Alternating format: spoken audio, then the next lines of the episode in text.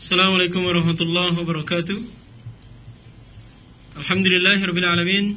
Wassalatu wassalamu ala asrafil anbiya wal mursalin Wa ala alihi wa sahbihi ajma'in. Wa man tabi'ahu bi ihsanin ila yaumiddin wa ba'd. Kaum muslimin pendengar Radio Surakur yang berbahagia. Alhamdulillah kembali pada kesempatan sore hari ini Kita mengadakan kajian khusus bersama Al-Ustaz Abu Zubair Al-Hawari Hafidullah Ta'ala Dari Pekanbaru Sumatera.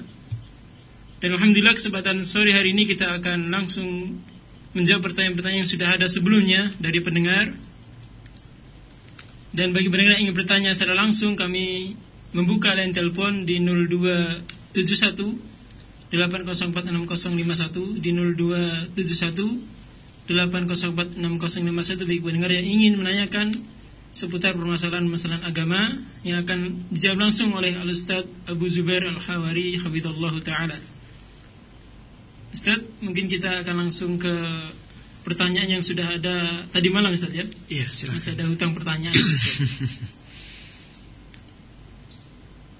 uh, pertanyaan Ustaz, Iya. tentang apa nasihat dari Ustadz tentang istri yang mudah cemburu dan bagaimana nasihat terhadap suami yang seharusnya mensikapi sifat istrinya tersebut Ustaz. Iya. Bismillah walhamdulillah wassalatu wassalamu ala wa Sebelum itu saya ingin juga menyampaikan terlebih dahulu salam kepada kaum muslimin dan muslimat semuanya yang mendengarkan suara Al-Quran pada petang hari ini bersama kami Assalamualaikum warahmatullahi wabarakatuh Alhamdulillah Mengenai istri yang pencemburu Cemburu itu fitrah manusia Khususnya pada wanita Kecemburuan itu bahkan sesungguhnya kelebihan bagi seorang wanita Bahkan dalam sebuah rumah tangga Rumah tangga yang tidak lagi memiliki ghairah Kecemburuan itu alamat bahtera mereka akan mereka akan retak. Suami yang tidak cemburu terhadap istrinya itu adalah dayus. Kehilangan rasa cemburu. Tidak cemburu ketika melihat istrinya melakukan pelanggaran-pelanggaran agama dengan mudahnya berjabat tangan, berbincang-bincang, eh, berduaan atau bebas dengan pria-pria lain. Seorang wanita yang tidak cemburu juga itu juga tidak baik. Jadi cemburu itu sebenarnya anugerah dan rahmat. Karunia dari Allah Ta'ala. Dengan cemburu itulah kita bisa mengukur cinta. Cemburu itu juga merupakan bumbu sehingga kehidupan rumah tangga itu semakin sedap dan nikmat, indah. Bahkan cemburu adalah salah satu cara bagi wanita untuk mengungkapkan cinta dan kasih sayangnya kepada suami. Akan tetapi di dalam hadis hadis Rasulullah Sallallahu Alaihi Wasallam, Rasulullah Sallallahu Alaihi Wasallam menjelaskan di antara kecemburuan itu ada yang disukai oleh Allah dan juga ada kecemburuan itu yang tidak disukai oleh Allah Tabaraka wa Taala. Oleh karena itu kita harus bisa menyeimbangkan rasa kecemburuan itu. Tidak berlebihan dan tidak mati sama sekali sehingga sampai ke tingkat dingin. Tidak memiliki rasa kecemburuan. Nah, ketika seorang istri cemburu kepada suami, apa yang harus disikapi oleh seorang suami? Lihatlah Rasulullah Sallallahu Alaihi Wasallam. Sesungguhnya beliau adalah sebaik-baik suri tauladan bagi seorang suami.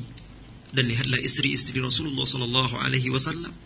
Mereka adalah cerminan bagi para istri hari ini. Istri-istri Nabi juga cemburu. Pernahkah engkau, wahai saudara-saudariku, mendengar dan membaca riwayat yang sahih ketika suatu hari suatu malam Rasulullah Shallallahu Alaihi Wasallam terbangun lalu keluar rumah Rasulullah keluar rumah untuk apa buang hajat buang air kecil kencing malam hari istrinya bangun cemburu dan dia curiga mengira Rasulullah Shallallahu Alaihi Wasallam pergi ke tempat istrinya yang lain sehingga istri Nabi tadi Maimunah menutup pintu rumahnya dari dalam. Tatkala Rasulullah Sallallahu Alaihi Wasallam kembali didapatkannya pintu terkunci, dia ketuk, dia panggil.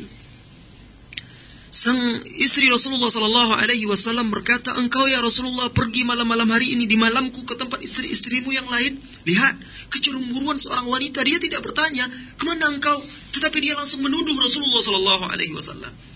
Engkau Rasulullah pergi ke rumah ke tempat istrimu yang lain di hariku, di malamku. Rasulullah bersumpah dengan nama Allah bahwa dia tidak melakukan itu, dia hanya keluar untuk menunaikan hajatnya. Rasulullah tidak marah. Dia cuma meminta izin bukakan pintu ini. Saya tidak ke mana-mana. Saya hanya pergi keluar untuk buang hajat. Subhanallah. Begitu sabarnya Rasulullah Sallallahu Alaihi Wasallam mensikapinya. Jadi bukan aib kalau istri kita cemburu, istri Nabi lihat, dia juga cemburu, dia manusia. Bahkan Aisyah radhiyallahu anha itu adalah istri Nabi yang paling cemburu. Pernah suatu malam dia kehilangan Nabi Shallallahu Alaihi Wasallam dari tempat tidurnya. Dia raba-raba sampai teraba apa? Rambut Rasulullah Shallallahu Alaihi Wasallam. Apa kata Rasulullah? Ha ya Aisyah ja'atka syaitanuk. Syaitanmu telah datang nih. Apa kata Aisyah? Aisyah radhiyallahu anha. Awalaisa laka syaitan ya Rasulullah? Bukankah engkau juga punya syaitan ya Rasulullah? Bala. Walakinnahu aslama. Akan tetapi dia Islam dan tidak mengajakku kecuali kepada kebaikan. Nah, jadi di sini sebenarnya yang paling berperan adalah suami. Bagaimana dia bisa mengontrol emosinya dan memahami bahwa wanita itu memang seperti itu. Kalau dipaksakan dia patah, dia retak. Oleh karena itu, harus bisa bersiasat mensikapi emosi atau gejolak cemburu wanita. Nah, jadi biarkan kecemburuan itu membuat cinta Anda semakin tumbuh berkembang. Biarlah cemburu itu semakin memupuk kesetiaan di antara Anda dan istri. Biarlah kecemburuan itu semakin menyemburatkan rasa cinta di antara kalian berdua. Tetapi kontrol kecemburuan itu jangan sampai melampaui batas sehingga menuduh yang tidak-tidak, yang tidak ada dasar dan buktinya dan sikapi kecemburuan itu dengan bijaksana dan lembut. Begitulah tabiat wanita dan contoh Rasulullah Sallallahu Alaihi Wasallam dalam mensikapi kecemburuan-kecemburuan istrinya. Insya Allah kehidupan itu akan menjadi indah. Allahu a'lam bishawab. Baiklah pendengar yang masih setia bersama kami, kami persilakan mendengar untuk bertanya langsung di line telepon di 0271 8046051 yang kesempatan sore hari ini Hadir bersama kita Al-Ustaz Abu Zubair Al-Hawari dan ini kerjasama dari Quran dengan Pustaka Tibian Solo. Kita ke telepon. Halo. Assalamualaikum. Waalaikumsalam warahmatullah. Dari Ibu siapa? Di mana? Dari dari hamba Allah. Ya. Iya, silakan. Ustaz, saya itu mau tanya. Hmm. Rumah tangga saya kan sedang ada problem. Mm-mm. Bahkan saya harus ke psikiater sampai berapa kali. Yang ke psikiater ibu. Saya Mm-mm. uh, karena tertekan. Iya. Ya dapat tekanan dari keluarga, Mm-mm. dari suami juga. Akhirnya si istri itu Mm-mm. Eh, dia udah ngomong sama suami kalau misalkan sudah tidak ada kecocokan lagi, ya Mm-mm. mungkin berpisah gitu. Iya. Tapi demi anak-anak, si istri itu mau berkorban. Mm-mm. Dia mau mempertahankan rumah tangganya, Mm-mm. tapi dengan persyaratan harus membuat surat perjanjian hitam di atas putih, Iya. di mana istri dan suami itu bersepakat akan memperbaiki rumah tangganya. Tapi sampai sekarang belum terwujud gitu loh, Tat. Iya. Dan di sini nggak ada sikap tegas dari suami. Sementara yang diharapkan istri adalah ketegasan suami agar keluarganya itu nggak ikut campur dalam rumah tangganya. Iya, iya, iya. Nah, eh, bagaimana hukumnya seorang istri yang dia itu merasa sudah sering disakiti, didolimi baik oleh suami maupun oleh keluarga. Mhm. Akhirnya dia malas melayani suami di tempat tidur itu loh, Iya, iya, iya. Dan, Baik, ah, Ibu. Uh-uh, Maaf ya. saya potong sedikit.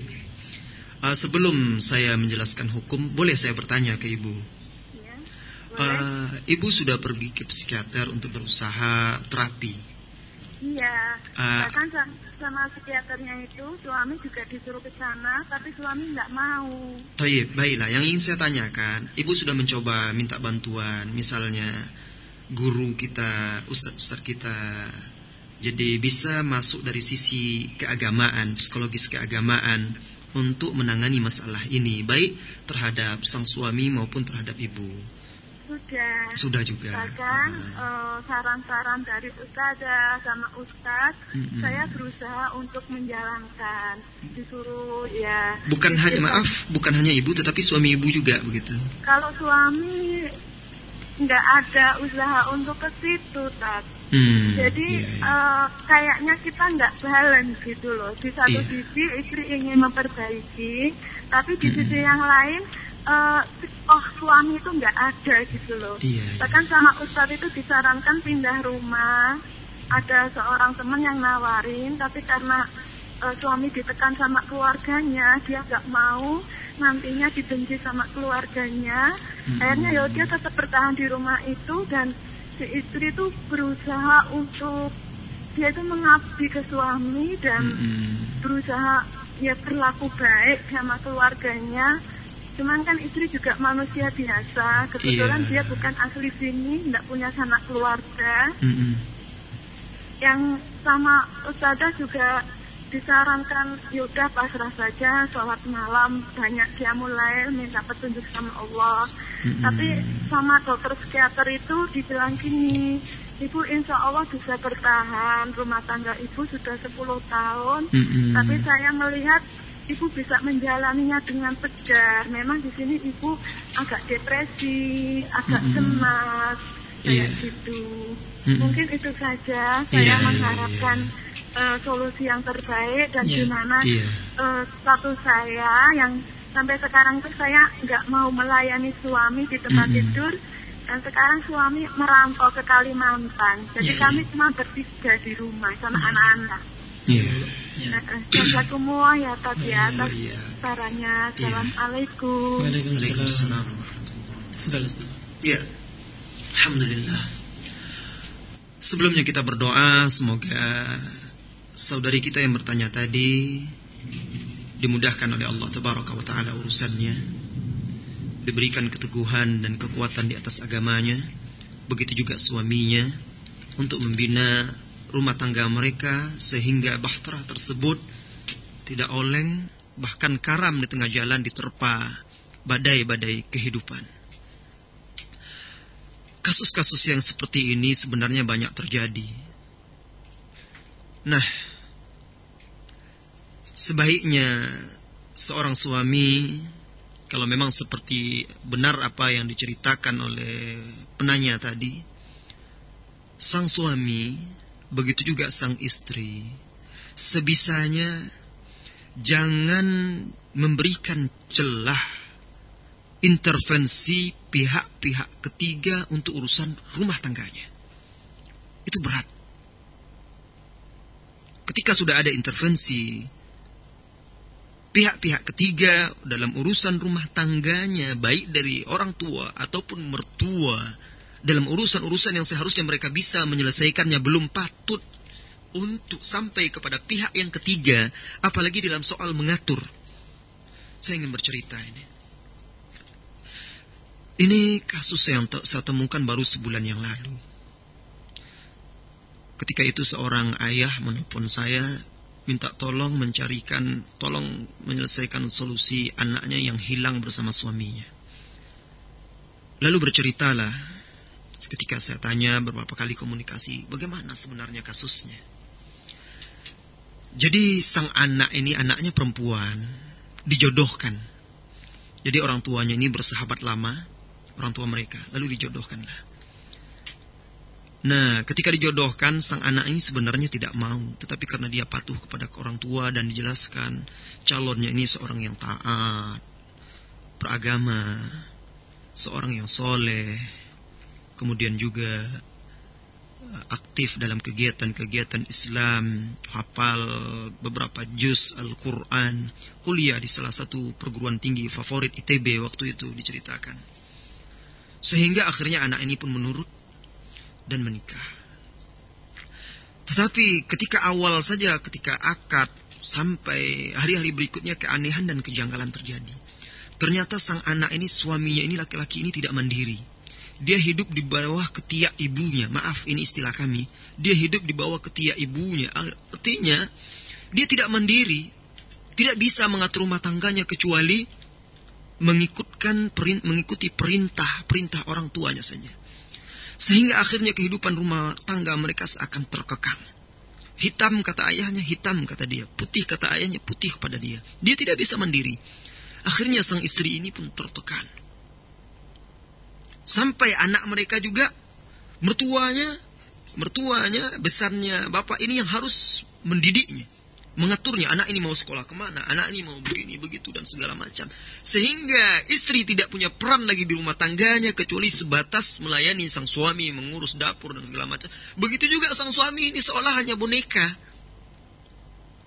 Terkadang orang tua saking sayangnya kepada anak kelewatan cintanya ini ternoda. Tidak ada lagi karena Allah. Akhirnya salah dalam mendidik anak. Nah hampir-hampir saja terjadi perceraian dan wanita ini akhirnya depresi. Dia mengalami. Air matanya itu keluar saja. Dia tidak ingin menangis tapi air matanya keluar. Tiga tahun dia tidak pernah tidur malam. Kepalanya itu rasa ditusuk-tusuk. Berkeringat dingin terus. Ini sudah indikasi stres, depresi, tekanan yang sangat berat.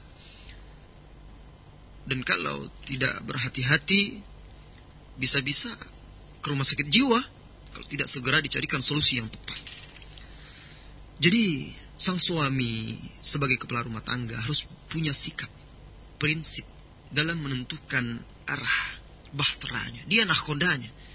Apabila ada dua nahkoda di rumah tangga tersebut, ke mana haluan hendak diarahkan? Bukan berarti orang tua tidak boleh memberi nasihat, boleh. Tetapi kebijakan, keputusan ada pada suami. Bahkan bukan dalam setiap masalah. Istri punya hak untuk bisa mengurus rumah tangganya merdeka dan terbebas dari tekanan-tekanan. Ini dari satu sisi. Dari sisi lain, karena kasus ini sudah terjadi, maka saya tanyakan tadi sang ibu pergi ke psikiater. Apakah dia sudah pergi kepada guru, ustadz, bahkan bukan dia saja, suaminya juga. Ketika sang uh, ustadz atau ustadz menganjurkan untuk hijrah pindah dari tempat itu ke tempat yang lain agar mereka lebih bisa membina rumah tangga yang 10 tahun telah mereka bina bukan waktu yang singkat. Tetapi suami akan tidak berkeinginan. Yang saya ingin tanyakan apakah suami sudah berbicara langsung dengan ustadz ini atau orang yang dia segani, guru yang dia hormati yang bisa memotivasi dan menyadarkan dia untuk menyelamatkan keluarga dan rumah tangganya itu. Ini Kemudian yang kedua, bagaimanapun, wahai saudariku, engkau harus banyak bersabar. Itu adalah jihadmu dan perjuanganmu. Jangan lupa, ketika beban menghimpit, kesedihan menusuk-nusuk. Jangan lupa Rasulullah Shallallahu Alaihi Wasallam mengajarkan kita berdoa untuk mengobati hati yang sedih, menghapus duka dan lara di dalam jiwa. Rasul Shallallahu Alaihi Wasallam suri tauladan kita bukankah dia ketika sedang bersedih berdoa Allahumma inni abduka wa ibnu abdika wa ibnu amatika ناسيتي بيدك ماض في حكمك عدل في قضاءك أسألك بكل اسم هو لك سميت به نفسك أو أنزلته في كتابك أو علمته أحد من خلقك أو استأثرت في علم الغيب إنك أن تجعل القرآن ربيع قلبي wajala'a hasni? Sudahkah ibu berdoa dengan sungguh-sungguh sepenuh hati dengan doa ini? Ya Allah, aku adalah hambamu. Anak dari hambamu yang laki-laki. Anak dari hambamu yang perempuan. Ubun-ubunku berada di tanganmu. Keputusanmu telah tetap kepadaku. Qadakmu adalah adil terhadapku. Aku mohon kepadamu ya Allah dengan seluruh nama yang engkau miliki yang engkau menamakan dirimu dengannya atau engkau turunkan di dalam kitabmu atau engkau ajarkan kepada salah seorang nabimu, salah seorang hambamu atau nama yang engkau simpan di dalam ilmu gaib. Agar engkau menjadikan Al-Quran sebagai penyejuk hatiku, peng, pelipur lara, duka, penghapus kesedihanku. Subhanallah, alangkah indahnya doa ini. Ketika air matamu menetes, wahai saudariku, di sepertiga malam terakhir dalam sembah sujudmu kepada Allah. Pernahkah engkau dengan sepenuh hati membaca doa ini? Sehingga kesedihan itu sirna? Tidak, engkau tidak akan kuat. Engkau tidak akan bisa bersabar kecuali engkau memohon kepada Allah. Berdoa. Ketahuilah, hanya Allah yang bisa yang bisa menghilangkan kesusahan. Oleh karena itu, bersabar, sikapi itu dengan takwa kepada Allah, kembali bermuhasabah, introspeksi diri, koreksi diri kita, sambil senantiasa mengingatkan suami kita. Adapun apakah engkau berdosa tentang karena masalah itu engkau sangat berat untuk melayani suami, banyak-banyak beristighfar, memohon ampun kepada Allah, Kemudian minta maaf keriduan suami. Mudah-mudahan itu menjadi sebuah pencerahan bagi suami untuk bisa mengambil sikap. Dan ingat, jangan mengambil keputusan untuk bercerai kecuali setelah ditimbang masak-masak matang-matang maslahat dan mafsadahnya. Baik terhadap dirimu, terhadap suamimu, terhadap anak-anakmu. Bersabar menghadapi problema-problema hidup rumah tangga terkadang jauh lebih baik daripada hidup sendiri tercerai berai dari anak, dari keluarga, dengan fitnah-fitnah yang begitu besar. Yakinlah, kalau engkau ridho, kalau engkau rela, kalau engkau bisa tulus dan ikhlas menghadapi ujian dan cobaan ini, akan sangat besar pahalanya. Ahasiban nas, an yutsraku ayyakulu amanna wa hum la yuftanun. Apa kata Allah? Apakah manusia mengira mereka dengan seenaknya saja bisa mengatakan, Aku, kami telah beriman. Sementara mereka belum diuji, harus harus diuji sehingga jelas apakah engkau betul-betul sejati keimanannya. Dan ujian orang itu berbeda-beda. Allah tabaraka wa taala kata Rasulullah sallallahu alaihi wasallam di dalam hadis yang disahihkan oleh Syekh Al-Albani dibawakan oleh Imam As-Suyuti dalam Jami' As-Saghir, "Inna Allah idza ahabba qauman ibtalahu." Ibtalahum. Sesungguhnya Allah apabila mencintai suatu kaum dia akan menguji mereka. Subhanallah, bersyukurlah kepada Allah ujian terkadang menjadi jembatan kita untuk menjadi lebih dekat dan mendapatkan kedudukan yang tinggi di sisi Allah tabaraka wa taala. Dan jangan pernah putus asa. Dalam kegelapan terbitnya fajar. Di balik mendung terbitnya matahari. Dan ketahuilah matahari itu sentiasa terbit hingga hari kiamat. Harapanmu masih tetap ada tetapi tetap bertakwa, memohon kepada Allah, bersabar, bermusyawarah kepada orang yang bijaksana dan berusaha terus untuk memperbaiki keluarga itu. Jangan pernah putus asa. Mudah-mudahan Allah berikan jalan keluar yang terbaik untuk engkau wahai saudariku. Allahu a'lam bissawab. Negara saudara bahagia masih bersama kami dalam program dialog khusus pada Ustaz Abu Zubair Al-Hawari yang beliau berasal dari Pekanbaru Sumatera dan beliau hadir di Solo dalam rangka kajian yang dilaksanakan pagi hari tadi di Masjid Raya Karanganyar. Dan insya Allah dilanjutkan besok pagi di Masjid Bogung Raya di kawasan UGM Yogyakarta. Dan kajian ini kerjasama antara Radul Quran dengan Pustaka Atibian Sulu. Dan insya Allah Ustaz kita akan lanjutkan ke pertanyaan yang berasal dari SMS dari seorang pendengar kita di Karanganyar Ustadz, bagaimana yeah. harus bersikap di tengah-tengah keluarga yang tidak mau melaksanakan ketaatan kepada Allah? Anak sebagai anak yang paling terakhir dan seorang wanita. Hmm. Orang tua dan kakak-kakak belum mau mengaji. Bagi mereka yeah. agama itu tidak untuk mengatur kehidupan, tapi untuk menikmati hiburan. Hmm. Setiap anak memberi nasihat dan mengingatkan akan kewajiban tersebut pasti terjadi pertengkaran. Yeah. Dengan orang tua. Mohon nasihatnya Ustaz. Yeah. Jazakallahu khairan. Kita hidup di zaman gurbah. Di mana di mana al-haq itu dianggap asing dan aneh. Rasulullah sallallahu alaihi wasallam bersabda di dalam hadis yang sahih dan kita semua banyak telah hafal serta sering mengulang-ulangnya. Bada al-Islamu ghariba wa sayaudu ghariban kama bada'a. Fatuba lil ghuraba. Islam itu datang dalam keadaan dianggap aneh asing, ganjil. Lihatlah bagaimana kesabaran Rasulullah Sallallahu Alaihi Wasallam di tengah keluarganya yang menolak dakwahnya. Lihatlah sikap beliau begitu lembut dan bijaksana. Apa yang kita rasakan sekarang belum seberapa dibandingkan keterasingan yang dirasakan Rasulullah Sallallahu Alaihi Wasallam di awal-awal fajar Islam. Tidak ada yang beriman ketika itu di tengah keluarganya kecuali Khadijah, istrinya dan anak kecil, remaja Ali bin Abi Thalib, remaja yang tanggung, belum lagi balik. Serta sepupu Khadijah Naufal, Waraqah bin Naufal radhiyallahu anhum ajmain. Nah, cemoohan, cercaan, makian, gunjingan. Beliau sikapi dengan lembut, bijaksana, mendoakan mereka agar mereka mendapat petunjuk. Beliau tidak pernah jemu dan bosan untuk menasihati. Begitulah. Wasayaudu ghariban kama bada'a dan Islam itu akan kembali dianggap asing dan aneh. Sebagaimana ia pertama kali datang. Itulah yang dirasakan oleh banyak sekali kaum muslimin hari ini yang meniti jalan hak, berpegang teguh dengan Al-Quran dan Sunnah, meniti jalan salafus soleh. Para pemuda dan pemudi di tengah keluarganya.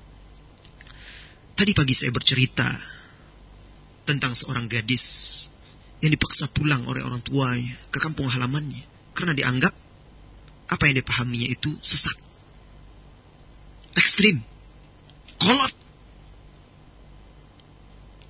dan kita beri nasihat. Banyak kasus-kasus seperti ini. Ada seorang saudara kita juga pemuda yang dia sempat kabur dari rumahnya karena ingin belajar agama. Atas nasihat salah seorang gurunya ketika itu, orang tua kamu ini menghalangi kamu untuk belajar agama, tidak boleh dipatuhi. Kamu harus kabur tinggalkan rumah itu. Itu nasihat gurunya dulu. Akhirnya dia kabur, nggak pulang-pulang. Sampai suatu ketika dia keluar dari tempat dia belajar itu, datang orang tuanya menjemput setelah bertahun-tahun tidak pulang. Orang tuanya datang menjemput karena kerinduan kepada anaknya. Siapa yang tidak rindu kepada darah dagingnya? Betapapun sang anak itu durhaka, tetap orang tua itu menganggapnya sebagai anak. Lantas pemuda itu datang kepada kami meminta nasihat. Ustaz, orang tua saya datang menjemput. Saya nggak mau pulang. Kalau saya pulang, saya tidak akan bisa belajar agama lagi. Saya pasti akan dihalangi. Akhi, apakah engkau menganggap bahwa engkau yang memiliki hati manusia itu? Engkau yang memberi petunjuk sehingga engkau bisa memastikan seperti itu bahwa ayahmu akan menghalangimu untuk belajar ilmu agama? La ilaha illallah. Bukankah ayahmu seorang muslim? Ya. Dia hanya jahil tidak mengerti. Kalau dia mengerti dia tidak akan halangi. Kita mensikapi seseorang itu harus sesuai dengan kondisi dan keadaannya. Seorang yang jahil, tidak paham dan tidak mengerti tidak boleh kita sikapi dengan keras dan kasar. Kita harus bisa memahami kondisi dan keadaan. Sebagaimana kita dahulu awal-awal sebelum kita menerima al-haq, begitu beratnya menerima sedikit-sedikit bid'ah, sedikit-sedikit haram, ini itu. Begitu juga kondisi orang itu karena keawaman dan kejahilannya. Tetapi pulanglah. Pulanglah dulu seminggu, dua minggu, tiga minggu. Tinggallah bersama orang tuamu. Di sana jaga akhlakmu, bersikap dengan baik, Bantu dia, berbakti, buat orang tuamu tersenyum, bahagia mendapatkan anak seperti ini. Sehingga mereka paham dan mengerti bahwa apa yang engkau pelajari selama ini baik. Sehingga semenjak engkau belajar agama semakin berbakti, santun kepada orang tua itu. Pulanglah anak ini, anak muda ini. Subhanallah, cuma dua minggu, setelah itu dia balik lagi, pergi belajar. Mondok di salah satu akademi dakwah. Uh, dan akhirnya sekarang sudah menjadi ustaz. Apa kata dia ketika itu? Ustaz, subhanallah. Alhamdulillah sekarang orang tua saya melepas kepergian saya untuk belajar dengan ridho dan rela. Dia sudah bisa mengerti dan paham. Hanya cuma butuh dua minggu. Terkadang, terkadang, semangat kita yang menggebu-gebu terhadap al-haq, akhirnya membuat kita tidak sopan kepada orang tua kita. Bagaimanapun dia ayah, ibu kita, kakak kita, bagaimanapun dia tetap menganggap kita sebagai anak, sebagai adik, kita harus mengerti ini. Walaupun yang kita pegang itu al-haq, kita tahu itu al-haq, tapi kita harus menempatkannya. Dia tetap orang tua kita. Banyak anak muda ketika dia belajar agama dan ingin menasehati orang tuanya, dia seakan menggurui orang tuanya, bahkan sering berdebat dengan orang tuanya, dengan abang-abangnya, adiknya. Berdebat itu bukan cara yang baik untuk menyampaikan al-haq. Para ulama tidak suka berdebat kecuali memang ada maslahat dan dibutuhkan. Nah, nasihat saya, ukhti, kamu harus tetap bersabar di tengah keluarga tersebut. Kemudian, tidak perlu berdebat. Tidak perlu bertengkar.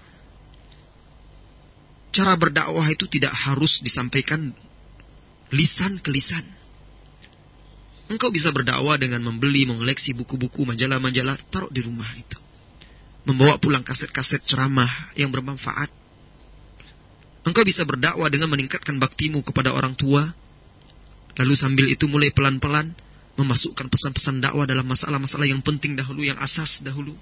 Masalah akidah, tauhid, kewajiban tunduk dan patuh kepada Allah, mengedepankan Allah dan Rasulnya. Ini masalah manhaj yang sangat penting. Dan harus sabar, butuh waktu. Jangan tidak semudah membalik telapak tangan. Dan jangan sikapi dengan keras, apalagi dia orang tua kita. Tetap pergauli dia, sopan santun. Jangankan itu. Allah tabaraka wa taala berfirman tentang Luqman yang berwasiat kepada anaknya, "Wa in jahadaka 'ala an tusyrika bi ma laysa laka bihi 'ilmun fala tuti'huma wa sahibhuma fid dunya ma'rufa." Jika kedua orang tuamu menghasungmu, membawamu kepada kesyirikan, Malaisa laka bihi ilm yang engkau tidak memiliki ilmu tentang itu. Jangan taati, jangan patuhi berbuat syirik. Wa dunya ma'rufa. Tetapi tetap pergauli keduanya di dunia dengan cara yang baik. Nah, dengan itu insya Allah dengan menampakkan akhlak yang baik itu, seorang akhlak seorang pemuda salaf yang baik, salafi yang baik, mudah-mudahan uh, pintu hati mereka terbuka dan jangan lupa terus berdoa untuk mereka agar mereka mendapat bimbingan taufik dan petunjuk serta engkau tetap teguh di atas jalan yang hak. Selamat berjuang saudariku, pegang teguh agamamu walaupun bagaikan menggenggam bara api sehingga engkau bertemu dengan kekasihmu Rasulullah sallallahu alaihi wasallam di telaganya kelak. Amin ya rabbal alamin. Allahu a'lam bissawab. Mendengar berbahagia masih bersama kami kajian langsung khusus bersama Ustaz Zubair dan kami mohon pendengar yang ingin bertanya bisa menelpon kami di 0271 804 6051 untuk menanyakan langsung pertanyaan kepada Ustaz Abu Zubair. Kami lanjutkan Ustaz kita ke SMS berikutnya. Salah pendengar kita mengatakan bagaimana kiat untuk kita istiqomah di dalam kebenaran di tengah rusaknya masyarakat ini dan bagaimana dakwah yang hak tersebut Ustaz. Iya. Ada dua pertanyaan intinya tentang istiqomah di atas jalan yang hak di masa sekarang. Bagaimana kiatnya? Kemudian yang kedua tadi apa? Bagaimana? Bagaimana ciri dakwah yang hak tersebut? Bagaimana cara berdakwah? Cara berdakwah yang hak. Ya. Istiqomah di atas jalan yang hak. Singkat saja karena waktu kita semakin pendek. Kata kuncinya ada di dalam ayat Al-Quran. Allah tabaraka wa ta'ala berfirman, Walau annahum fa'alu ma yu'aduna bihi lakana khairan lahum wa ashadda tathbita wa idza la'atainahum min ladunna ajran ajr ajran 'azima wa lahadainahum. Lihat Allah tabaraka berfirman, dengarkan wahai saudaraku, dengarkan wahai saudariku dengan hatimu sebelum mendengar dengan telinga. Allah wa taala berfirman, walau annahum fa'alu ma yu'adzuna bihi kalaulah mereka itu, kalau saja mereka itu, bahwasanya mereka itu fa'alu mengamalkan, mengerjakan mayu azubihi yang diajarkan, yang dinasehati, yang dipetuahkan, yang diwejangkan kepada mereka, lakana khairal lahum. Niscaya itu adalah lebih baik bagi mereka. Wa asyadda tathbita dan akan lebih meneguhkan mereka di atas jalan yang hak. Uh, kemudian kata Allah dan niscaya kami akan berikan mereka pahala yang besar wala hadainahum sirata mustaqima dan sungguh kami akan menunjukinya kepada jalan yang lurus. Kuncinya amalkan ilmu itu wahai saudaraku. Ilmu bukan hanya sekedar untuk di buku, untuk dibincangkan, tetapi untuk diamalkan. Banyak yang membuat para pemuda kurang istiqomah dan muda goyah, dia tidak mengamalkan ilmu yang telah dia dapat. Amalkan, amalkan. Apa yang telah Anda pahami akan kebenaran tersebut, amalkan dalam keseharian Anda. Apa itu janji Allah? Kalau kita mengamalkan apa yang telah kita pelajari, pelajari yang kita dengar dari al-haq yang dinasihatkan kepada kita, yang diajarkan kepada kita, itu adalah lebih baik kata Allah dan akan membuat mereka lebih teguh, istiqomah dan Allah akan tunjuki kepada jalan yang lurus. Ini pertama. Kemudian Anda akan istiqomah wahai saudara-saudariku jika engkau senantiasa hadir di majelis ilmu yang di sana diajarkan Al-Quran dan Sunnah yang sahihah dengan pemahaman salafus saleh Engkau akan bisa istiqomah jika engkau senantiasa bersama sahabat-sahabatmu di atas jalan hak. Saling nasihat menasihati, menegakkan amar ma'ruf nahi mungkar. Engkau akan tetap istiqomah di atas jalan yang hak ini wahai saudara-saudariku jika engkau senantiasa berdoa kepada Allah tabaraka wa taala Allahumma ya muqallibal qulub thabbit qalbi ala dinik wa ya musarrifal qulub sarrif qalbi ila ta'atik atau ala ta'atik engkau tetap akan bisa istiqamah setelah itu jika engkau juga senantiasa membaca sirah Rasulullah sallallahu alaihi wasallam para sahabat ulama-ulama terdahulu tentang ketegaran mereka dan keistiqomahan mereka di atas jalan yang hak Mudah-mudahan engkau tetap istiqomah. Sesungguhnya itu sudah ada kunci-kuncinya, tinggal penjabarannya saja lagi. Tetapi orang yang berakal dengan isyarat saja sebenarnya sudah cukup. Allahu a'lam bisawab. Yang kedua, bagaimana cara berdakwah yang hak itu? Cara berdakwah yang hak tentunya adalah cara berdakwah Rasulullah Sallallahu Alaihi Wasallam. Allah Tabaraka wa Taala berfirman agar Rasulullah Sallallahu Alaihi Wasallam mengiklankan, memberitahukan kepada manusia di, dalam surat Yusuf tentang jalannya. Qul hadhihi sabili ad'u ila Allah ala basiratin ana wa man ittaba'ani. Katakanlah hai Muhammad kepada manusia, inilah jalanku. Aku berjalan, aku menyeru kepada Allah di atas landasan ilmu. Aku dan para pengikutku. Lihat. Dakwah Rasulullah Sallallahu Alaihi Wasallam adalah dengan ilmu. Oleh karena itu, apabila engkau ragu dan yakin terhadap sesuatu yang akan engkau dakwahkan, pelajari dahulu dengan hak. Bertanya kepada orang yang paham dan mengerti. Yakinlah, uh, pelajari landasannya sehingga engkau betul-betul yakin. Tapi saya tidak bisa hafal Quran, tidak bisa hafal hadis-hadis. Ya, nggak apa-apa. Yang penting engkau yakin itu benar, al-haq dan tahu dasarnya. Telah bertanya kepada orang yang ahli, engkau bisa menyampaikannya. Engkau bisa mengajarkannya kepada orang yang bisa engkau ajarkan. Kemudian berdakwah itu juga yang hak itu memahami uh, berdakwah kepada seseorang sesuai dengan kondisi dan keadaan seseorang. Berdakwah kepada seorang jahil tidak sama dengan berdakwah kepada seseorang yang memiliki pendidikan. Berdakwah kepada orang tua tidak seperti berdakwah kepada anak-anak. Berdakwah kepada wanita begitu ya, tidak sama dengan berdakwah kepada pria dan begitu seterusnya. Lihatlah Rasulullah Shallallahu Alaihi Wasallam dari hadis Bukhari dari Abu Hurairah radhiyallahu anhu dan sahabat lainnya tentang seorang Arab Badui yang kencing di, di sudut masjid. Hari ini coba bayangkan kalau ada orang masuk masjid, kencing dia di situ di sudut masjid, mungkin akan dikeroyok, diseret. Wah, penghinaan ini. Mata-mata ini diselundupkan untuk menghina Islam. Mungkin akan begitu. Dan begitulah para sahabat dahulu marah. Hampir-hampir saja mereka memukul, mengeroyok Arab Badui, Arab Badui yang kencing itu. Di pojok masjid itu apa kata Rasulullah Sallallahu Alaihi Wasallam? Da'oh, jangan jangan biarkan Biarkan dia. Loh orang kencing di masjid kok dibiarkan? Kena jis. Iya, Rasulullah itu mengerti. Dia paham. Itu orang yang belum mengerti dan paham hukum-hukum masjid. Kalau dikerasi bisa-bisa nanti akhirnya dia tidak menerima Islam. Akhirnya kembali murtad. Kalau dikerasi bisa-bisa efeknya lebih besar. Dia terkena sakit loh, lagi asik-asik kencing kok dikeroyok. Dan najisnya malah menyebar luas nanti karena dia lari-lari kencingnya menyebar ke mana-mana. Akhirnya selesai kencing apa kata Rasulullah? Ambilkan air, siramkan ke tempat kencingnya. Lalu Rasulullah pegang tangannya dan nasihati empat mata. Subhanallah. Kata para ulama, al-jahil yu'allam. Diajarkan, diingatkan dengan cara yang lembut dan baik. Nah, itu di antaranya. Berdakwah dengan akhlak yang baik pula. Dan baca sirah dakwah Rasulullah sallallahu alaihi wasallam. Allahu a'lam bissawab. Ini kan berbahagia masih bersama dalam program kajian khusus bersama Ustaz Abu Zubair Al-Hawari. Bagi pendengar yang bertanya langsung kami persilahkan menelpon kami di 0271804051. Halo. Halo. Ya, dari siapa Assalamualaikum. ini? Waalaikumsalam. Kami mau nanya ya tadi. Ya. Dari siapa ini? Hah? Dari Yeti. Di mana? Di Boyolali, Pak. Ya, silakan. Itu tanya masalah hukum dagang tuh. Ya. Kan maunya saya jual beli sepeda motor ya. Iya. Dan terus uh, tapi akadnya udah setuju maunya harganya 5 juta. Dia bilang, "Ini anu Mas uang saya 4 juta." Iya. Ya, kurangnya 1 juta. Nah, saya kan tidak bisa nutupi terus tak masukkan ke istilahnya ke BPR syariah jadinya maunya satu juta dua ratus dicicil satu tahun itu hukumnya gimana Dok? Terima kasih. Ya, ya. silakan Ustaz. dari Ya. Pak Edi di Boyolali. Iya, tapi tadi cepat-cepat sekali ya. Saya ingin bertanya sebenarnya agar pertanyaan itu mendetail, tapi tidak apa-apa. Karena eh, memahami pertanyaan itu bagian dari jawaban sebenarnya. Jadi dia beli sepeda motor, harganya 5 juta, duitnya kurang 1 juta. Lalu Lewat BPR, lewat BPR. bank. Ya. Lewat BPR ini kan saya ingin bertanya apakah dia minjam uang ke BPR itu bank pengkreditan rakyat itu atau bagaimana? Nah, kira-kira Biasanya ya, Qahar gimana kira-kira? biasanya dioperkan kekurangannya itu ke bank itu loh.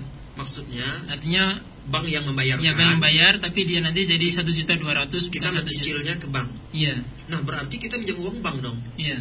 Kalau memang seperti itu, kalau seandainya bentuknya itu pinjaman, kita meminjam uang bank, tentu itu menjadi riba. Kalau kita pinjam sejuta, kok bayarnya sejuta, kok bayarnya sampai sejuta dua ratus, dua ratusnya itu adalah adalah bunga dan riba ini sudah sepakat para ulama mengharamkannya, ya. Bahkan Al-Quran kok wa ahallallahu al-bai'a wa harrama riba. Allah menghalalkan jual beli dan mengharamkan riba. Kalau bentuknya itu pinjaman uang. Kalau seandainya ya memang biasanya seperti itu. Kalau seandainya bank itu membayarkan misalnya, ya sama saja sebenarnya pinjam uang juga. Jadi sebenarnya saya ingin bertanya lebih detail tadi kepada Pak Edi. Itu ini Pak Edi, silakan Pak Edi. Ya, Assalamualaikum. Gimana, Ustaz? Ah, model transaksinya itu bagaimana? Coba jelaskan. Ini, Bapak ini, kaitan ini Ustaz ya. kaitan Pak Edi dengan banknya ini gimana? nih? Ya. Ya, kan gini kan saya kan modalnya istilahnya ya cepat gitu loh, Pak. Hmm. Cicil lah. Saya punya barang, nah, terus orang itu mau, mau mencicil. Lah, saya kan nggak bisa kalau mau satu juta itu saya mencicil saya kan modalnya berkurang. Sehingga saya pindahkan ke uh, BBR Syariah dengan transaksi ya begitu tadi ke BBR Syariahnya. BBR-nya namanya BBR Syariah, Pak, tapi nggak tahu Syariah beneran apa namanya cuma. Ya. Maaf, maaf kan Pak, saya ingin bertanya dulu Pak. Edi. Pak Edi, saya ingin tanya. Ya, ya. Jadi gini, ketika Bapak alihkan ke BPR Syariah itu, ini sudah Bapak bayar belum yang 4 juta ini? Belum. Belum. Berarti belum terjadi transaksi jual beli. Oh sudah sudah Pak, itu dikasihin sama saya 4 juta. Ya, yang punya barang Bapak Iya saya punya barang. di Nah, harganya terus- 5 juta, Iya. orang tersebut nggak mau punya uang 4 juta saja. Ya, tapi Bapak, tapi kan- Bapak nggak mau terima uang 4 juta, Ah, tapi harus 4 Lima juta, juta. 5 juta. Iya. Tetapi yang 1 juta orang itu ngambil dari Dari BPR itu langsung BPR. pergi loh. Oh ya. Bagaimana Oper- akad, akad dia dengan BPR itu gimana? Tahu ya? itu pokoknya ya namanya BPR saya Pak, saya malah kurang-kurang tahu ya kenapa. Tayyip, tayyip, tayyip. Oh ya, ya, Udah, ya, cukup. silakan. Ya, cukup Pak. Jadi model-model yang seperti itu ada beberapa model transaksi yang sepanjang kami ketahui maaf ada apa yang disebut dengan istilah al-amiru bisyira. Jadi orang ini ingin membeli barang, dia tidak punya dana cukup, akhirnya dia minta bank yang membelikannya. Nah, seolah-olah bank yang nanti menjual kepada dia. Nah, kan begitu. Seolah-olah bank yang menjual kepada dia. Ini sebenarnya sistem-sistem yang juga diterapkan oleh finance-finance. Orang yang tidak punya uang ingin membeli sepeda motor. Nah dia tidak punya uang Lalu akhirnya finance inilah yang akan Seolah-olah dia yang menjualkannya kepada ini Kepada apa namanya Kepada si pembeli nah, Sesungguhnya di sini ada beberapa ketimpangan Yang pertama Bank sesungguhnya dia tidak menjual barang Dia hanya menghutangkan uang. Kalau dia menjual barang itu belum menjadi miliknya. Dia tidak menjual sesuatu yang bukan Bukan miliknya. Rasulullah Shallallahu Alaihi Wasallam juga melarang menjual sesuatu yang bukan yang bukan miliknya. Nah, oleh karena itu, uh, walaupun masalah jual beli al-amiru bisyira ini diperdebatkan oleh banyak ulama, berbagai macam tulisan, tetapi pendapat yang paling kuat yang banyak dipraktekkan sekarang di lapangan itu setelah kita tanyakan kepada masyaikh dan kita baca buhut penelitian-penelitian hasil penelitian para ulama-ulama dan masyaikh itu mukhalif menyelisihi konsep-konsep syariah. Ada beberapa ketimpangan-ketimpangan di situ sehingga terkesan itu adalah hilah. Hilah men untuk mensiasati riba. Oleh karena itu eh, beberapa waktu yang lalu, beberapa tahun yang lalu, eh, bukan setahun atau dua tahun yang lalu saya pernah baca di koran. Di Jakarta pihak-pihak finance, itu akan menerapkan sistem pembiayaan syariah. Apa yang kita tangkap dari berita ini?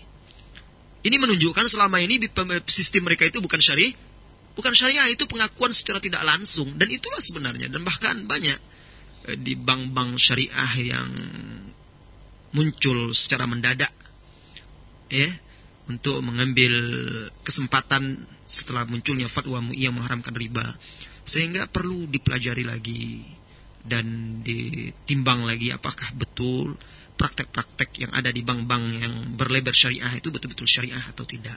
Kita pernah mau mengadakan pertemuan dengan salah satu bank syariah di Riau dengan beberapa ustadz.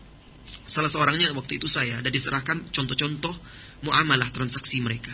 Dan akhirnya kami menilai memang ada hal-hal yang tidak sesuai dengan syar'i dalam uh, muamalah-muamalah tersebut. Allahu a'lam bissawab. Baiklah pendengar, kita lanjutkan Ustaz. Iya. Menjawab pertanyaan dari para pendengar. Uh, kita ke Jogja nih Ustaz. Silakan. Atau ke telepon dulu. Halo. Iya. Assalamualaikum. Waalaikumsalam warahmatullahi wabarakatuh. Ini Adil kan dari Pambangan. Ya silakan. Pak. silakan. Mau tanya Ustaz, Iya. ini masalah jam sostek ini Masalah apa? Jam jam sostek. sostek ini termasuk asuransi atau gimana ini? Ya. Terus saya ini udah dulu itu kerja 27 bulan di Jakarta. Hmm. Ya. Terus sekarang Hmm. eh, tanggal 2005 itu saya keluar kan. Terus sekarang saya mau ambil itu. Itu termasuk riba atau enggak itu? Ya. Iya. Dulu waktu saya ini apa itu keluar itu uangnya saldonya itu saya lihat 800-an. Iya. sekarang jadi 18 itu satu juta 800 itu. Iya. Terus ini gimana ini Ustaz? Terus Iya. riba atau gimana? Ya kita coba. Iya. Ya ditanyakan ya itu tadi apa itu kok tambah banyak gitu loh. Ya. Iya. iya. Terus tanya itu riba, terus uang itu untuk apa itu? Ya, Hmm. ya. Bisa kalau Ustaz Oh iya. Assalamualaikum. Waalaikumsalam. Lanjut pertanyaan berikutnya. Ada putus. Terus ini. Ya, baiklah kita jawab. Atau Ah, ini ada ini. kita lanjut. Halo? Ya.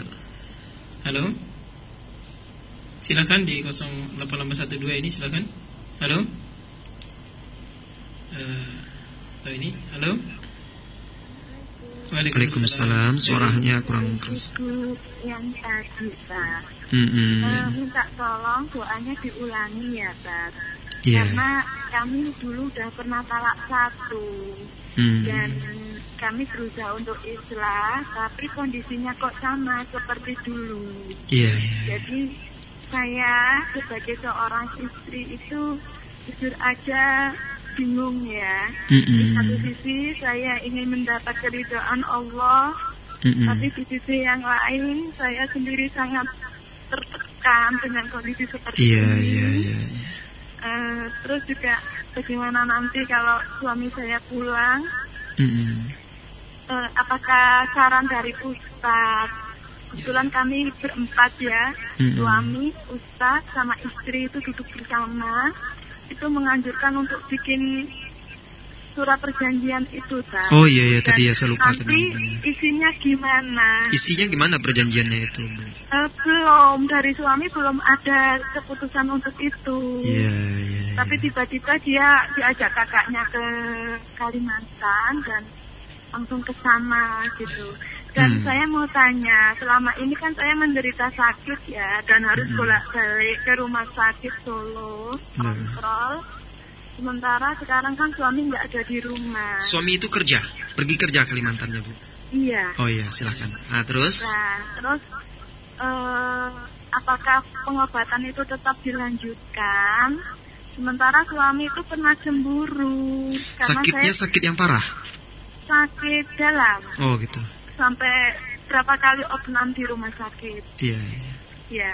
Dan suami pernah cemburu sampai dia marah-marah. Hmm. Akhirnya pagi-pagi itu Iya. Iya, terputus tidak apa-apa. Jadi ibu yang tadi lagi nah, akhirnya kan ibu juga bercerita. Tadi belum Asuransi tadi mungkin. Oh iya masalah asuransi. jam sostek. Oh iya jam sostek ya kita itu dahulu. Jam sostek eh, saya tidak tahu bagaimana sistemnya maaf. Saya memang tidak tahu bagaimana sistemnya. Oleh karena itu saya tidak bisa memberikan jawaban. Silahkan tanya kepada ustaz-ustaz kita di sini dan jelaskan sistem kerjanya itu bagaimana. Jam sostek itu bagaimana sistemnya sehingga bisa dijelaskan apakah bertentangan dengan syar'i atau tidak. Allah a'lam bissawab. Ya, tadi itu bukan dari ibu tadi. Bukan. Ah, iya baiklah kita lanjutkan untuk ibu tadi yang belum selesai. Nah, ibu tadi juga saudari kita tadi atau ibu tadi juga menambahkan informasi. Jadi ibu tadi belum selesai bercerita, belum detail. Kita tidak tahu ternyata ibu sudah pernah cerai pula atau talak satu. Berarti memang mungkin sangat berat polemik yang ada atau problema yang ada di rumah tangga ibu sampai harus seorang ustadz menasihati membuat perjanjiannya. Nah, satu juga yang ingin saya sarankan ibu jangan lupa. Ibu punya wali, seorang wanita jika dia tidak bisa menyelesaikan urusan dia, khawatir tidak bisa menyelesaikan urusan dia, dia bisa meminta bantuan walinya. Ya, untuk menyelesaikan urusannya itu. Dan dia punya orang tua, punya wali, punya saudara, punya pamannya. Nah, itulah gunanya kita memiliki wali di sinilah nampak peran seorang wali untuk wanita itu bisa diselesaikan dengan baik pertemukan wali antar wali kalau memang sudah cukup parah.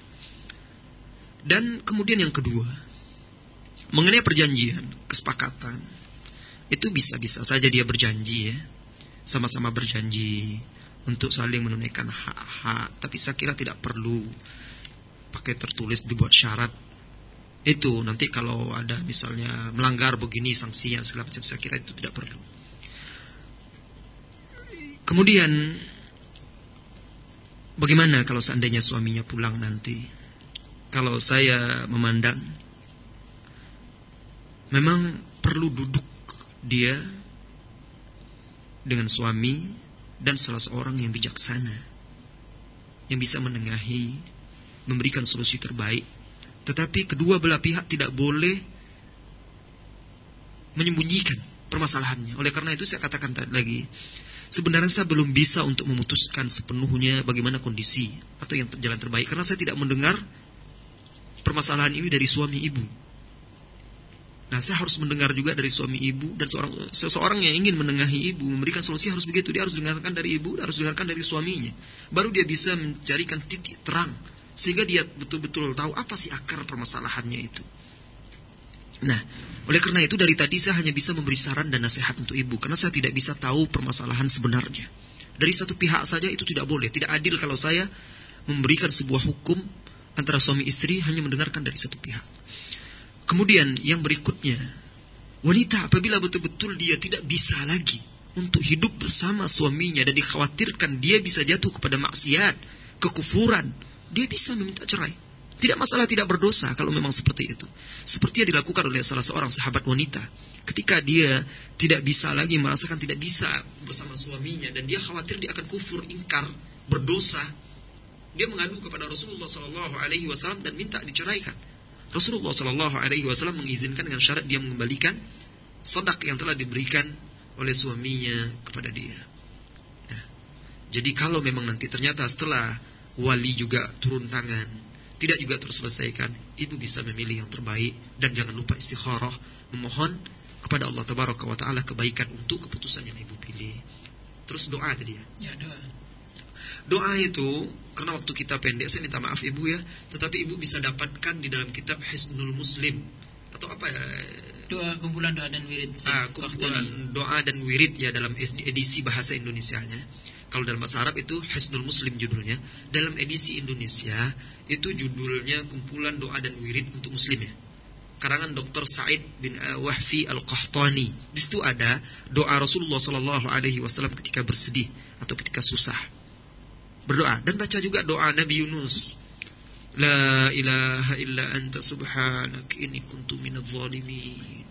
Baca doa seperti itu, zikir itu lalu jelaskan permohonan permintaan kita kepada Allah tabaraka wa taala agar dimudahkan dan diringankan.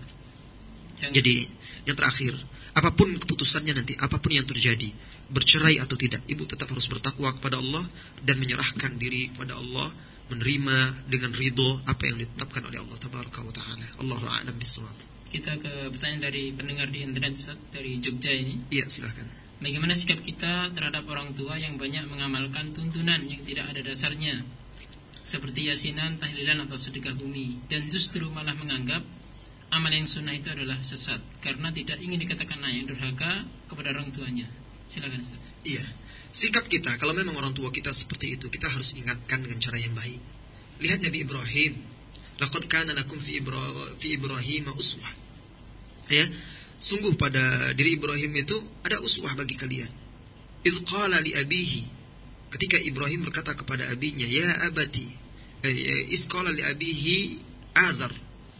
Ketika dia berkata kepada bapaknya Azar, "Apa yang kalian ibadati ini?" Makna ayat itu ya. Dia mengingkari apa yang disembah, diibadati oleh ayahnya dan kaumnya. Bahkan dia menasihati mereka untuk menjauhi kesyirikan dan bertauhid kepada Allah Tabaraka wa taala. Nasihati. Jadi nasihati orang tua kita itu ingatkan dia, jelaskan dengan baik, dengan hikmah. Kemudian juga belikan buku-buku yang bermanfaat, hadiah-hadiah yang bisa menggugah hatinya. Dan setiap kita punya pengalaman-pengalaman seperti itu. Saya dulu orang tua saya dukun, kental dengan kesyirikan meminta bantuan kepada jin-jin cukup berat untuk bisa mendakwahinya. Tapi alhamdulillah dengan kesabaran kita mengingatkan dengan cara yang baik, kesabaran kita untuk tetap bersikap lembut dan lunak kepada dia, tapi tidak mengikuti bid'ah dia, tapi tidak mengikuti kemungkaran kesyirikan dia, jangan diikuti tetapi tetap sikapi dia dengan sebagai orang tua. Hargai, hormati dia dan terus jangan pernah putus asa untuk menasehati dengan cara yang baik. Kalau orang tua kita marah, diam saja, tidak usah dilawan. Sabar. Kalau dia marah, kesal, kata-katanya menyakitkan, sabar. Sabar. Untuk berdakwah itu memang berat ujiannya. Terkadang kita menghadapi lebih daripada itu. Bercerminlah kepada Rasulullah Sallallahu Alaihi Wasallam. Doakan agar dia mendapat petunjuk, dibimbing oleh Allah Tabaraka wa Taala kepada jalan yang hak. Mudah-mudahan orang tua Anda dan orang tua kita semua diberi petunjuk oleh Allah Tabaraka wa taala untuk tetap teguh di jalan yang hak. Dan alhamdulillah ayahanda saya setelah masa yang cukup panjang akhirnya beliau meninggalkan itu semua dan ikut mengaji, menuntut ilmu. Alhamdulillah. Ustaz. Ya. Halo. Halo. Assalamualaikum. Halo. Ya, dari Ibu siapa di mana? Halo, Assalamualaikum. Waalaikumsalam warahmatullahi wabarakatuh. Silakan Ibu. Sudah, tersambung. Selamat sore, Ustaz. Iya. Eh, begini, saya ibu rumah tangga usia 33 tahun. Hmm. Eh, Empat bulan terakhir ini eh, suami saya kan menuduh saya eh, selingkuh dengan laki-laki lain. Hmm. Terus tapi sebelumnya dalam berumah tangga 10 tahun itu saya itu gimana ya?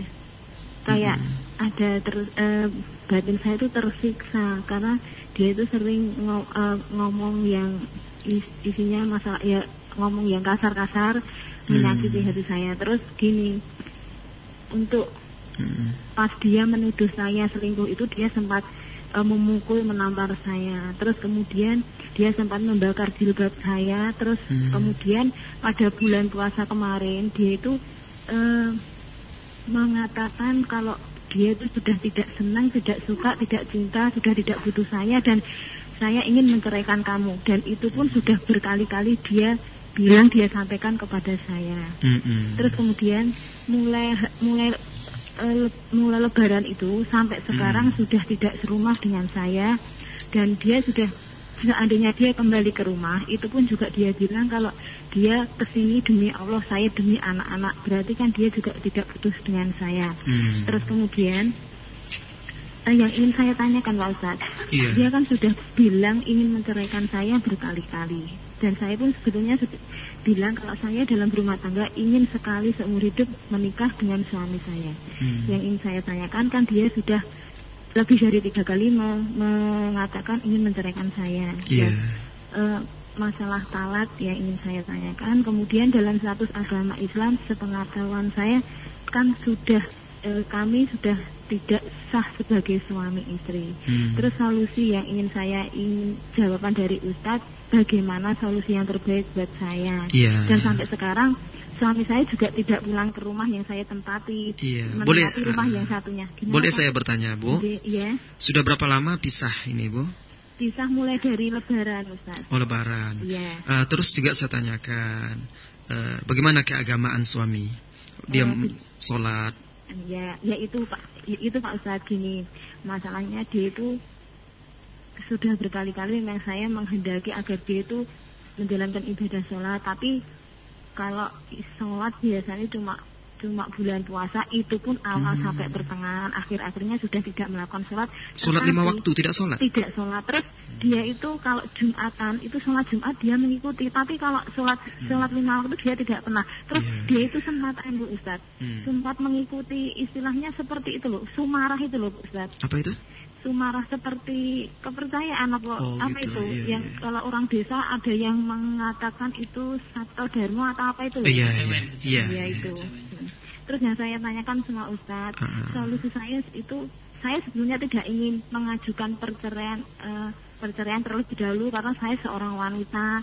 Kalau dia menginginkan, kalau memang dia eh, naik ke pengadilan, memang saya tunggu-tunggu tapi jangan sampai saya yang terlebih dahulu. Tapi dalam agama Islam setengah eh, dari sahabat-sahabat yang yang yang tahu tentang masalah saya, Iya. memang sudah tidak sah suami istri. Terus saya itu kadang gini Ustadz, eh, maaf kalau dia Mm-mm. kembali itu kadang menginginkan menginginkan saya berhubungan gitu loh Pak. Pak Loh, katanya tidak suka.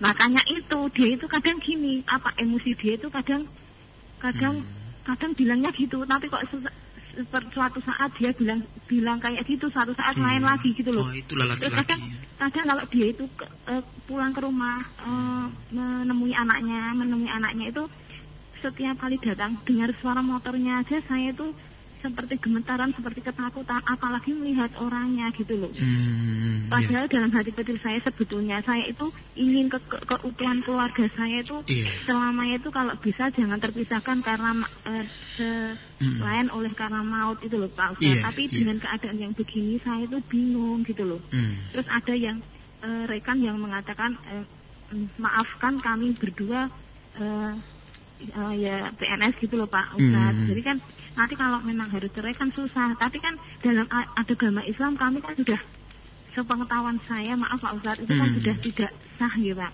Nah, Nah, hmm. yang saya tanyakan tuh solusi saya itu gimana gitu loh. Iya. Terima kasih Pak Ustaz. Iya. Assalamualaikum. Waalaikumsalam warahmatullahi wabarakatuh. Intinya dua pertanyaan. Iya. Ya, Dan ini terakhir. ya. Mau maghrib lagi kan? Belum, belum maghrib. Masih sekitar 20 menit lagi. Iya. Kita jawab. Baiklah. Alhamdulillah. Memang hidup ini penuh dengan warna-warni yang bisa memberikan ebroh kepada kita semuanya. Apa yang dihadapi oleh ibu yang bertanya tadi tidaklah ringan, berat bagi seorang wanita.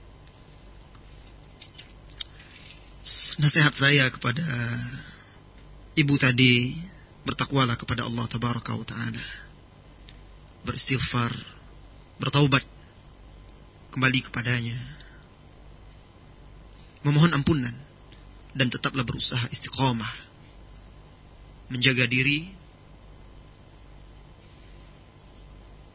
dari segala maksiat dan dosa. Mudah-mudahan apa yang dituduhkan oleh suami Anda tersebut, anda tersebut tidaklah benar. Apalagi tuduhan tersebut berasal dari orang yang tidak menjaga amanahnya dari Allah Tabaraka wa Ta'ala. Ukhti, kenapa saya tanyakan? Bagaimana agama suami Anda? Sesungguhnya kebaikan apa yang bisa kita harapkan dari seseorang yang tidak menunaikan sholat? Kecuali di bulan Ramadan. Atau hanya sholat Jumat tetapi tidak menunaikan sholat lima waktu. La ilaha illallah. Sholat yang merupakan pondasi atau pilar agamanya yang sangat kuat. Sholat di mana dijadikan oleh Allah sebagai pelebur dosa bagaikan mata air yang bening dan jernih mengalir di depan rumah kita. Di sana kita mandi lima kali sehari semalam membersihkan dosa. Lalu ada orang tidak sholat, berapa banyak dosa yang bertumpuk-tumpuk di dalam jiwanya. Bahkan tidak ada dosa yang sampai seperti itu bisa membuat orang itu kufur. Ibadah yang ditinggalkan bisa membuat orang itu kufur seperti sholat.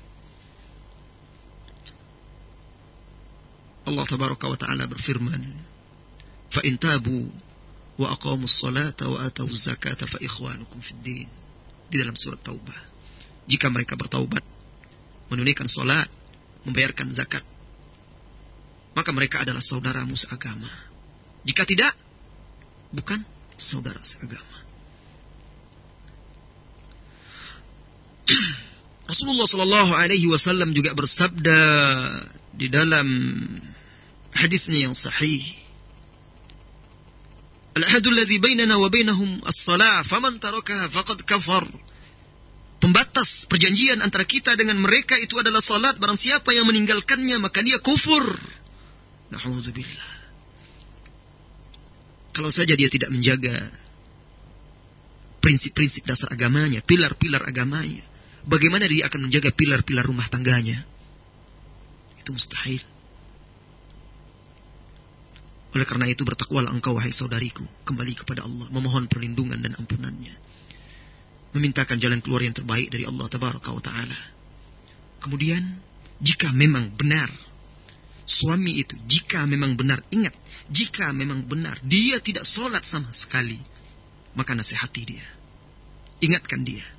Atau sampaikan kepada keluarganya atau seseorang yang bisa menasihatinya. Jika ternyata dinasehati, dia juga tidak bertobat kepada Allah, masih juga tidak sholat, bahkan ikut-ikut acara-acara syirik seperti tadi itu ya, apa nama acaranya? Ya, itulah kejawan, ya, gitu ya, yang ya. bisa menjerumuskan seseorang kepada kesyirikan. Ukhti, jika dia tidak mau bertobat, maka saran saya dalam kondisi yang seperti ini, apalagi kalian sudah terpisah sekian lama, tidak jelas uh, bagaimana kondisi kalian sebenarnya, tambah lagi tekanan-tekanan secara psikologis kepadamu, pada dirimu, maka tidak ada jalan terbaik lagi kecuali engkau berbicara dengan walimu dan engkau meminta cerai. Ini karena dia tidak sholat. Kalaulah dia masih sholat, kalaulah dia masih sholat, menjalankan ibadah sholat, dan tidak melakukan kesyirikan-kesyirikan akbar, maka kasus tadi belum bisa dikatakan kalian itu batal pernikahannya. Karena kan dia baru mengatakan ingin menceraikan belum tegas itu saya akan menceraikan. Saya tidak suka ini. Tapi dia mengatakan belum menceraikan.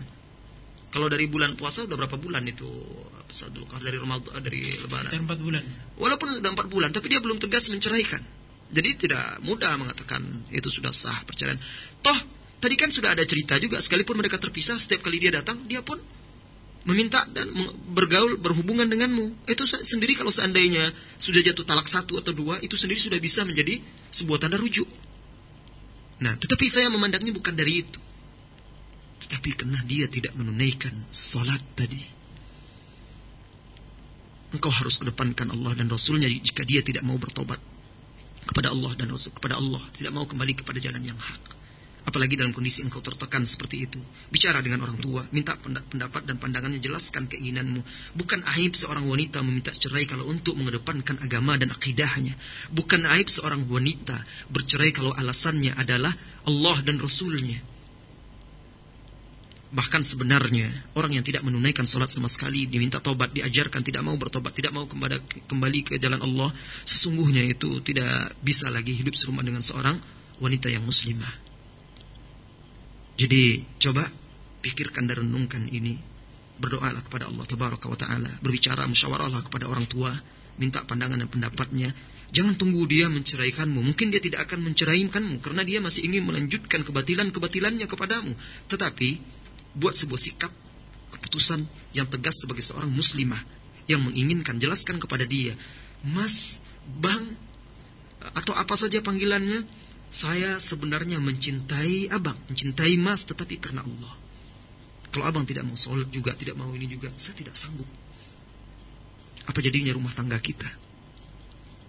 Dah, jelaskan alasannya. Mudah-mudahan dia mendapat hidayah, mendapat petunjuk. Kalau dia bertobat, sabar, bertobat, sadar, kembali menunaikan sholat, berusaha memperbaiki diri, kenapa tidak dibuka pintu maaf? Allah saja maha pengampun lagi maha pemaaf. Keutuhan rumah tangga tentu lebih kita utamakan. Tetapi tidak akan utuh rumah tangga itu apabila tegak di atas kebatilan atau maksiat dan tidak diridhoi oleh Allah tabaraka wa taala. Mudah-mudahan. Dan jangan lupa senantiasa meminta nasihat kepada ustaz-ustaz ya yang ada di sini. Minta nasihat dan pandangannya tentu mereka lebih tahu kondisi dan keadaan di sini. Saya rasa cukup sampai di sini pertemuan kita dan juga saya minta maaf kepada ikhwan akhwat, saudara-saudari kaum muslimin dan muslimat yang pertanyaan-pertanyaannya belum sempat terjawab. Mudah-mudahan Allah tabaraka wa taala memberikan manfaat kepada saya dan kepada kita semua dari apa yang telah kita dengarkan dan mudah-mudahan Allah mengampuni segala kesalahan-kesalahan kita semuanya. Wassallallahu wasallam ala nabiyyina Muhammad walhamdulillahi rabbil alamin. Subhanakallahumma bihamdika asyhadu an la ilaha illa anta astaghfiruka wa atubu ilaik. Assalamualaikum warahmatullahi wabarakatuh. Assalamualaikum warahmatullahi wabarakatuh. Mendengar yang tadi akhir dari kajian bersama Ustaz Abu Zubair Al-Hawari yang bekerja sama antara Radio Surah Quran dengan Pustaka Atibian Solo. Dan insya Allah pada pertemuan yang akan datang Ustaz masih berkenan hadir di Solo dan di juga di Radio Suara Quran 94.4 FM. Pada mendengar kita akhiri kesempatan kita sore hari ini dan insya Allah kita lanjutkan dengan pertemuan yang akan datang. Subhanaka wa bihamdika asyhadu an la ilaha illa anta astaghfiruka wa atubu ilaik. Assalamualaikum warahmatullahi wabarakatuh.